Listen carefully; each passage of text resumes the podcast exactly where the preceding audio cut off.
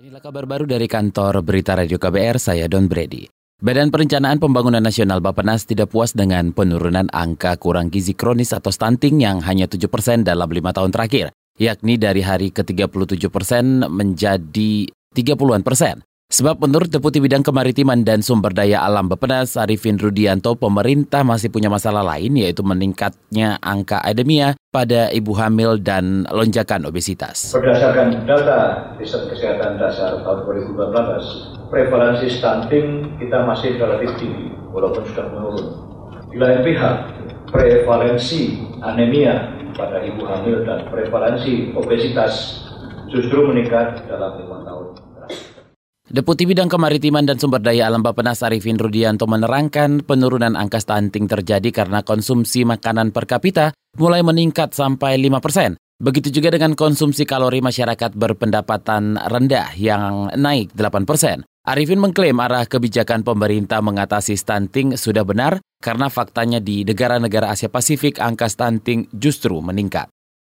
Badan Pengawas Pemilu Bawaslu belum mendapat bukti terkait tudingan Rizik Sihab yang menyebut Menteri Luar Negeri Reto Marsudi berkampanye saat berkunjung ke Arab Saudi. Anggota Bawaslu Muhammad Afifuddin mengatakan jajaran pengawas pemilu luar negeri belum mendapatkan bukti pelanggaran pemilu apa pun selain hanya video pernyataan Rizik Sihab.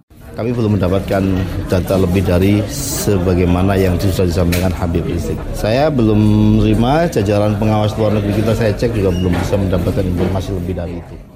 Anggota Bawaslu Muhammad Afifuddin mengatakan tudingan Rizik Sihab sudah langsung dibantah oleh Kementerian Luar Negeri. Bantahannya kata Arif, kata Afif, Menlu Retno Marsudi memang ke Jeddah tetapi tidak ke Riyadh dan di kantor KBRI Jeddah Menlu Retno sama sekali tidak berkampanye politik. Badan Pengawas Pemilu Semarang, Jawa Tengah memeriksa Wakil Wali Kota Semarang Heverita Gunariati terkait dugaan pelanggaran pidana pemilu. Koordinator Divisi Penindakan Bawaslu Semarang Naya Amin Zaini menjelaskan Heverita diduga menggunakan fasilitas negara untuk berkampanye mendukung salah satu pasangan capres dan cawapres. Uh, apa sebagaimana undangan klarifikasi yang kita layangkan yang kedua kali begitu. Jadi beliau Pak hari Selasa tanggal 2 ini hadir gitu juga.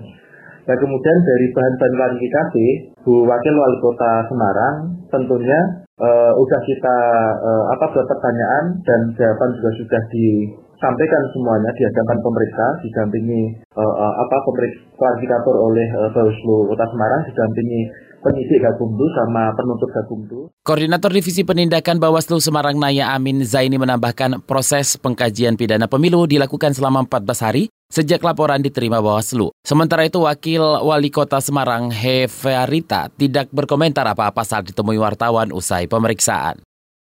Gubernur Nusa Tenggara Barat Julkifli Mansyah mengeluarkan surat edaran tentang gerakan salat wajib berjemaah lima waktu di masjid dan musola bagi PNS di lingkungan pemerintah Provinsi Nusa Tenggara Barat. Juru bicara Pemprov NTB Najamuddin Ami mengatakan instruksi itu jadi salah satu upaya meningkatkan keimanan dan ketakwaan. Gerakan salat wajib berjemaah lima waktu dilakukan dengan menghentikan atau menunda berbagai kegiatan atau aktivitas saat waktu salat bagi seluruh pegawai PNS yang muslim.